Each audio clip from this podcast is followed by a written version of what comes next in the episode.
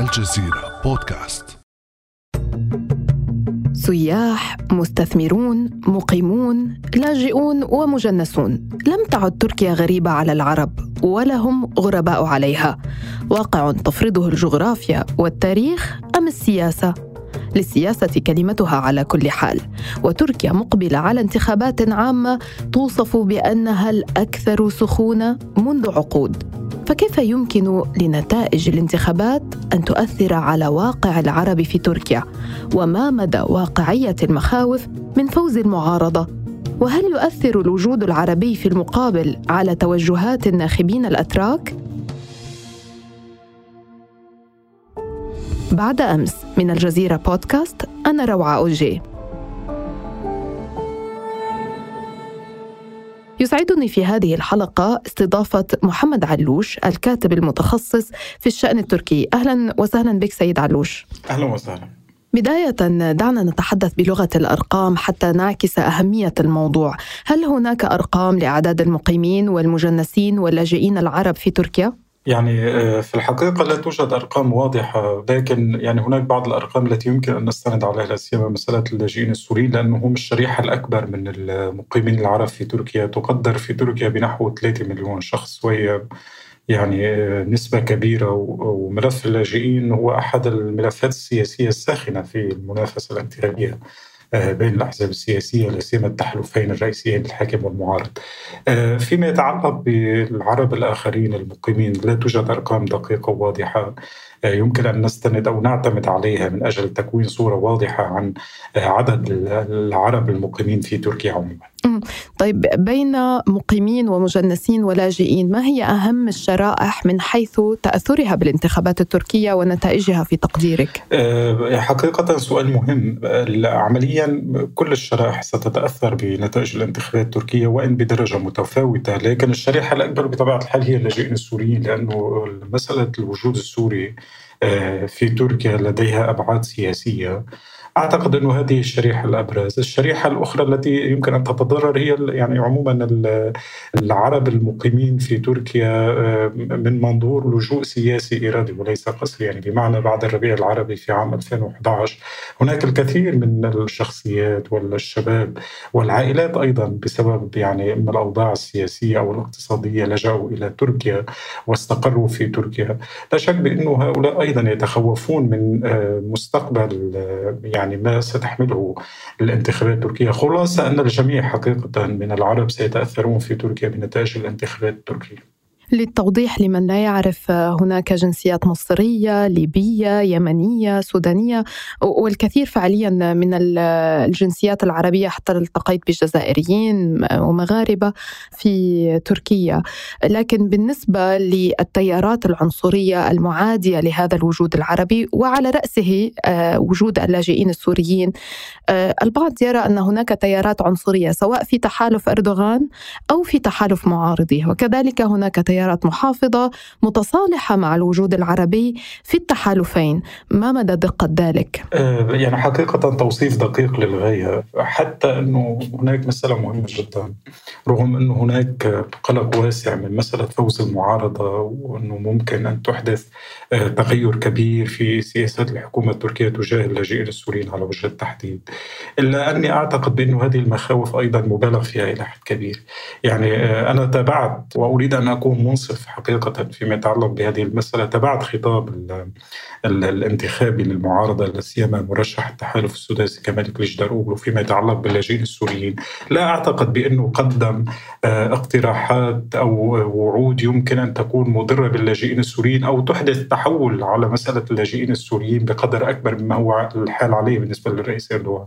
كمال كليجاروغلو على سبيل المثال تحدث أو وعد بإعادة اللاجئين السوريين آه، خلال عامين. تحدث عن مسألة العودة الكريمة والطوعية وعن ضرورة تحقيق السلام في سوريا. هذه العناوين في الحقيقة عناوين مشابهة عمليا لحكومة حزب العدالة والتنمية. حتى أنه يعني إذا كانت المعارضة أو اللاجئين السوريين في تركيا بيتخوفون من أنه آه، كمال كليجدر أوغلو سيعيد علاقات تركيا الفورية مع النظام السوري. لكن أيضا في جانب آخر الرئيس اردوغان بدأ يعني تركيا بدأت منذ فترة مفاوضات مع النظام السوري وربما بعد الانتخابات في حال استطاع الرئيس إردوغان أن يبقى في السلطة ربما يكون هناك تقدم كبير على مسار المفاوضات والاجتماعات الأخيرة التي عقدت بين الجانبين الروسي والتركي آه، برعاية روسية أو السوري والتركي عفوا برعاية روسية وإيرانية أفضت إلى تقدم يعني وفق ما آه، آه، تم الإعلان عنه. وبالتالي من منظور عام أعتقد انه هناك مبالغة لدى في المخاوف لدى اللاجئين السوريين فيما يتعلق بالتحول الذي يمكن أن يحصل على قضية اللجوء السوري في حال وصلت المعارضة التركية إلى السلطة. لكن لا شك أيضا كي نكون منصفين الواضح إنه رغم التيار القومي على سبيل المثال في التحالف الحاكم هو أيضا يعني لديه موقف متشدد جزئيا من اللاجئين السوريين لكن الموقف التيار القومي في التحالف الحاكم هو أقل حدة في الحقيقة عن موقف التيار القومي في تحالف المعارضة. آه لا أنا لا أوافق بأنه آه يمكن أن نوازن ما بين آه النبرة المعادية للاجئين السوريين بين التيارات المتشددة في التحالف الحاكم أو في تيار المعارضة. نعم عندما تصل إذا ما وصلت المعارضة إلى السلطة لا شك بأن هناك سيكون مساحة أكبر لهذه التيارات المناهضة بشدة للاجئين للتعبير عن نفسها آه، للضغط أكبر فيما يتعلق لإثارة آه، مسألة اللاجئين السوريين والعرب عموما بشكل أكبر. طيب إذا انطلقنا من آه، يعني من تحليلك بالنظر إلى المخاوف وأردنا أن ننظر إلى الجانب الآخر كما تقول. ما الذي قد يجنيه العرب فعليا سواء من بقاء أردوغان أو من وصول المعارضة؟ المعارضة ما الذي يمكن أن يقدم التحالفان للوجود العربي بشكل مباشر؟ تعرفين يعني الإنسان في فطرته دائما يخاف من المجهول التغيير دائما يثير قلق الناس آه، وبالتالي يعني وضع اللاجئين عموما أو العرب عموما في تركيا آه، هو وضع مستقر في ظل حكومة حزب العدالة والتنمية والرئيس رجب طيب أردوغان. ولا شك أنه إذا ما حصل تحول سياسي سيؤدي إلى إثارة قلق هؤلاء أو يعني العرب عموما المقيمين في تركيا من آه، أن تتغير السياسات الحكومية التركية تجاههم وأن يكون هناك ضغط وأن تتحول تركيا إلى بلد غير مرحب للعرب عموما. أنا أرى أنه جانب من هذه النظرة صحيح على المستوى الاستراتيجي لأنه إذا وصلت المعارضة التركية إلى السلطة آه، نحن لن نتحدث فقط عن تغيير حكومة نحن نتحدث عن تغيير كبير في الهوية الجيوسياسية لتركيا. كمالك ليجدر أوغلو في خطابه الانتخابي أبدى صراحة رغبة تركيا في أن يكون لديها انخراط أقل في منطقة الشرق الأوسط بمعنى آخر أن تركيا التي آه، انفتحت على العالم العربي لا سيما في ظل حكومة حزب العدالة والتنمية وتحديدا بعد عام 2012 و11 آه، لا يريد كمال كليجر أوغلو أن آه، تبقى في هذا الإطار. يريد أن يعيدها لتكون دولة غربية أو جزء من اهتماماتها الأساسية محصور في الغرب. هذا الأمر سينعكس على سلوكيات تركيا مع يعني المقيمين العرب في تركيا بطبيعة الحال. لكن آه، أيضا يعني أنا أرى أنه يعني الوجود السوري على وجه التحديد آه، في ظل آه، إذا ما نجح الرئيس رجب طيب إردوغان في مواصلة السلطة أعتقد بأنه سيكون أكثر امانا مما هو الحال عليه بطبيعة الحال في حال فوز المعارضة. لأنه نحن نتحدث عن مجهول لا نستطيع أن نتوقع كيف يمكن أو أن نتنبأ بتصرفات المعارضة آه، في التعاطي مع هذه القضية. يعني لا سيما في تركيا هناك مسألة مهمة جدا. هذه المعارضة هي غائبة عن السلطة منذ ما أكثر من عقدين من الزمن. وبالتالي آه، جزء من آه، تشكيلاتها أو إدارتها للبلاد والسياسات الداخلية والخارجية ستكون في جانب أساسي منها كردة فعل على سياسة آه، حكومة الرئيس رجب طيب إردوغان في مختلف القضايا سواء كانت الداخلية أو الخارجية أو مسألة اللاجئين أو مسألة العرب عموما. لذلك أنا أتفق مع التقييم الذي يرى بأنه الوجود العربي في تركيا سيبقى أكثر أمنا في حال استطاع الرئيس رجب طيب إردوغان أن يبقى في السلطة. لكن أيضا في جانب آخر كي نكون منصفين أرى بأن هناك مبالغة مفرطة آه، في التحذير من تداعيات وصول المعارضة التركية إلى السلطة على المقيمين العرب في تركيا. ولكن هناك أيضا وجود اقتصادي عربي. شريحة المستثمرين وأصحاب الأعمال على اختلاف حجمها مهمة جدا. كذلك شريحة السياح العرب. اقتصاديا كيف يمكن أن المستثمرون وأصحاب الأعمال العرب بفوز المعارضة أو بقاء أردوغان؟ فعلا هو سؤال مهم لأنه هناك كانت إشارات متضاربة صدرت من المعارضة التركية فيما يتعلق بهذه المسألة. على سبيل المثال كانت أحد الوعود الانتخابية للمعارضة هو مسألة وقف بيع العقارات للأجانب خلال فترة معينة في حال وصلت إلى السلطة. وكما تعلمون يعني العرب هم المستثمرين العرب هم يعني فئات مهمة فيما يتعلق بقطاع العقارات في تركيا. لكن في جانب آخر لا أعتقد بأن المعارضة التركية في حال وصلت إلى السلطة سيكون لديها رفاهية للتعامل بهذه الطريقة مع وتنفير الاستثمارات العربية من تركيا عموما لأن الوضع الاقتصادي في تركيا لا يحتمل آه، لا تستطيع المعارضة أن تدير ظهرها بشكل كامل للاستثمارات العربية سواء يعني تلك المرتبطة بشكل مباشر أو غير مباشر بالحكومات أو على مستوى الأفراد والشركات وعلى مستوى المقيمين آه، هنا طبعا. لأنه هذه الاستثمارات مهمة جدا للاقتصاد التركي آه، وهي تدر أموال وعملة صعبة على الاقتصاد التركي. ولا بل على العكس يعني بعد الانتخابات التركية في حال وصلت المعارضة إلى السلطة ستكون بحاجة لأن يعني تحافظ على هذه العلاقات وعلى هذه الاستثمارات بشكل أساسي. آه، هناك قوانين يعني تسير هذه أو تدير هذه الأعمال في تركيا وأعتقد بأنه آه، لن تكون عرضة للمخاطر في حال يعني آه، وصلت المعارضة إلى السلطة بشكل كبير. لا أرى بأنه يمكن أن يكون هناك تأثير جوهري على مسألة الاستثمارات العربية في تركيا ووضع المستثمرين في تركيا، أعتقد بانه الأمر سيستمر ربما يعني بعض القوانين التي قد تلجأ إليها المعارضة المعارضة آه، ربما تقيد هذا النشاط جزئيا لكن لا أعتقد بأنه سيضر بشكل كبير بمسألة المستثمرين. على المستوى الإنساني يعني تحدثت عن تقارب مثلا فيما يخص فكرة آه، التقارب مع النظام السوري. كيف ينظر العرب في تركيا لذلك؟ هل يخشون أيضا آه، من ترحيل لجنسيات أخرى إلى دول عربية أخرى؟ لا شك أنه هذا القلق موجود لأنه التحولات التي أحدثها الرئيس رجب طيب أردوغان في السياسات الإقليمية خلال الأعوام الثلاثة الماضية. آه، أثارت بعض القلق مش ليس فقط لدى السوريين لدى جنسيات مختلفة على سبيل المثال الجنسيات المصرية المقيمة هنا التي هي موجودة إلى تركيا بفعل آه، ظرف سياسي آه، وليس يعني دوافع العيش في تركيا. كان هناك بعد الانفتاح التركي على مصر. بدأت تركيا تقيد إلى حد كبير نشاط جماعة الإخوان المسلمين هنا. لكن يعني لم يصل هذا التقييد إلى حد الضغط على الوجود المصري عموما في في تركيا. على سبيل المثال أيضا يعني جانب أو جزء كبير من الجالية المصرية الموجودة هنا، جزء عدد كبير من افرادها حصلوا على الجنسيات التركية بشكل استثنائي يعني بقرار سياسي. هناك خوف لدى هذه الجنسيه أصحاب هذه الجنسيات في إنه في حال وصلت المعارضة إلى السلطة ستحاول أن تنزع هذه الجنسيات عنهم لأنها منحت لهم بقرار سياسي. لا أستطيع أن أفتي قانونيا فيما يتعلق بهذه المسألة لكن آه، بالطبع هذا القلق يبدو مشروع بشكل كبير آه، لكن عموما يعني الخوف الأساسي لدى الوجود العربي في تركيا هو آه، ما إذا كانت تركيا في ظل حكم المعارضة ستدير ظهرها إلى العالم العربي والإسلامي بشكل عام وستعود لتهتم. لأنه هذا هذا هذه الإدارة أو هذه الاستدارة من جديد لن يكون لها تداعيات فقط على وضع تركيا في محيطها الإقليمي أو على علاقتها مع المنطقة العربية بل أيضا على وضع العرب الذين جاءوا إلى تركيا. لأنه يعني آه، الوجود العربي الذي تزايد في تركيا سيما بعد عام 2011 هو يعكس في الواقع تصاعد الدور التركي في المنطقة العربية تصاعد الاهتمام التركي في المنطقة العربية وفي إعادة تشكيل الجغرافيا السياسية للمنطقة العربية. آه، بطبيعة الحال أنا بتقديري أنه في حال وصلت المعارضة التركية إلى السلطة سيكون هناك تحول كبير في السياسات التركية تجاه المنطقة العربية.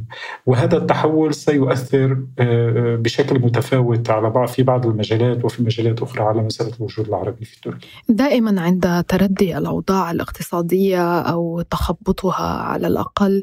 نلحظ دائما آه، ارتفاع خطاب الشعبوية المناهض آه، للمهاجرين آه، في كل دول العالم. ولكن أحيانا في دراسات استطلاعات الرأي نكتشف أنه على أرض الواقع المواطن العادي ليس مهتما فعليا بذلك وإنما هو هذا الخطاب مجرد أداة بيد الأحزاب لعدم وجود أدوات أخرى. الوجود العربي ووجوده على أجندة الأحزاب السياسية في تركيا هل يحظى فعليا باهتمام آه، الشارع التركي أم أن هذه الملفات ليست على رأس أولوياته؟ ما في مشكلة لدى الأتراك مع الأجانب عموما؟ مسألة اللاجئين السوريين على وجه التحديد مشكلة بالنسبة لهم. وأعتقد أنه كانت حاضرة بقوة في الخطاب السياسي والانتخابي وفي اهتمامات الشارع التركي. وهذا الأمر يعود بشكل أساسي ليس من هذه الفترة يعني عندما خسر حزب العدالة والتنمية الانتخابات المحلية الدولية في عام 2018 أو 2019 على ما أعتقد كان أحد الأسباب الخسارات هو موضوع قضية تعاطي مع قضية اللاجئين السوريين. آه، منذ تلك الفترة بالمناسبة بدأت الحكومة التركية تشدد وتعمل على إعادة تنظيم الوجود السوري في تركيا بشكل أكبر لأنه أدركت منذ تلك الفترة بأنه الثمن السياسي ربما سيكون مكلف في في حال لم تنجح الحكومة في إدارة هذا الملف كما ينبغي. آه هذا الملف لا يهم فقط شريحة القاعدة الانتخابية لتحالف المعارضة بل أيضا يعني أنا من خلال اختلاطي بمجموعة من الأصدقاء الذين هم أيضا يعني آه من التح أو يدعمون التحالف الحاكم أيضا يهتمون بمسألة الوجود السوري ويعتبرون أنه آه يجب أن تحل هذه المسألة لأنه تشكل ضغط على تركيا. لكن طبعا النظرة مختلفة هنا. يعني هذه النظرة هي نظرة تعاطفية مع اللاجئين السوريين لكن تريد حل هذه المسألة. بينما في المقابل نجد نظرة عدائية تجاه اللاجئين السوريين وتريد حلها من منظور عدائي بمعنى ارحلوا بأي طريقة. لكن لا أعتقد أن هذه المسألة حاضرة. نجحت المعارضة آه، ونجحت هذه الأحزاب المتطرفة المتشددة من خلال وسائل التواصل الاجتماعي في آه، آه، شيطنة اللاجئين السوريين بشكل كبير. هناك مسألة مهمة جدا لأن الرئيس رجب طيب إردوغان يدرك أهمية مسألة اللاجئين السوريين جزء من خطابه الجديد في سوريا قائم على حل أو معالجة مسألة اللاجئين السوريين آه لذلك هذا الأمر يعكس أيضا مدى إدراك حكومة حزب العدالة والتنمية لأهمية تقديم خطاب مطمئن للشارع التركي فيما يتعلق برغبته أو عمله على إعادة اللاجئين السوريين طيب كيف نفسر وقوف بعض الشخصيات العربية البارزة في تركيا مع أحزاب المعارضة؟ آه، أنا حقيقة لا أريد أن أتدخل في تفسير يعني بعض الحالات لكن آه، فيما يتعلق بالدكتور خالد خوجة ربما مسألة التحولات التي أحدثتها تركيا في سياستها في المسألة السورية بعد عام 2015 لأنه كان هناك تحول كبير في السياسة التركية بعد عام 2016 عفوا بعد محاولة الانقلاب العسكري الفاشلة تحولت تركيا إلى شراكة مع روسيا وإيران آه، ضمن منصة أستانا. وهذا التحول يعني سبب بكثير من التكوكب له تداعيات كبيرة على القضية السورية لكن حقيقة ليس لدي أي لا, لا أستطيع أن أجيب أجيب بشكل دقيق على هذا السؤال ماذا عن المشاركة العربية في الانتخابات؟ هل للصوت العربي تأثير يذكر؟ هل هناك توجه للإقبال بكثافة على الاقتراع؟ الكتلة التصويتية المتوقعة للناخب العربي لا يمكن تقديرها لأنه ما في أرقام واضحة عن عدد المجنسين العرب آه، أو اللاجئين السوريين الذين يحق لهم التصويت في هذه الانتخابات. ربما يعني هناك ما يتحدث عن أن ما يقرب من 200 ألف لاجئ سوري الآن امتلكوا الجنسية التركية ويحق لهم التصويت. لا يعني ليس لدي رقم دقيق لكن ليست كتلة كبيرة بطبيعة الحال أو مؤثرة في ال status quo الانتخابي التركي. طبعا التوجهات العامة لدى الصوت العربي عموما هو دعم حزب العدالة والتنمية بالتأكيد لأنه كما قلت العرب يتخوفون من المجهول لا يريدون أن يصلوا إلى مرحلة آه، لا يستطيعون التنبؤ بما يمكن أن يؤثر عليهم في حال وصلت المعارضة إلى السلطة. طب في الختام هل تتوقع أن نرى وصول مجنسين وأبناء لاجئين ومهاجرين عرب إلى مناصب مهمة في تركيا كما نرى ونسمع في دول غربية من وقت لآخر؟ آه يعني فعلا سؤال صعب جدا. آه أنا أعتقد أن الحالة التركية آه لم تنضج بعد إلى المستوى الذي يمكن أن نحصل فيه هذا أو أن نرى فيه هذا الاندماج المتكامل أو التعايش المتكامل بين العنصر الغريب والعنصر البيئة والبيئة بيئة المنطقة. هذا الأمر يحتاج إلى سنوات وعقود طويلة من التكيف والاندماج والتعايش بين الأجانب وأبناء البلد عموما. حتى الآن في تركيا إذا ما أردنا أن نتحدث عن تجربة تعايش بين اللاجئين أو المجتمع الأجانب والمجتمع التركي لا, لا, لا نستطيع أن نقدم سوى ربما عشر سنوات بالتحديد يعني بعد عام 2011 بدأ الاختلاط والتعايش بشكل أكبر بين الأتراك. بدأ الأتراك يكتشفون يعني التعايش مع الوجود العربي على سبيل المثال في تركيا بسبب الحروب والاضطرابات التي شهدتها المنطقة العربية. هذه المرحلة كي تصل إلى مستويات من النضج التي يمكن أن نرى فيه شخصية عربية أو شخصية من أصول عربية تتولى منصب رفيع في تركيا. أعتقد بأنه بحاجة إلى ربما سنوات طويلة وطويلة جدا. شكرا لك محمود علوش الكاتب المتخصص في الشأن التركي. شكرا. كان هذا بعد أمس.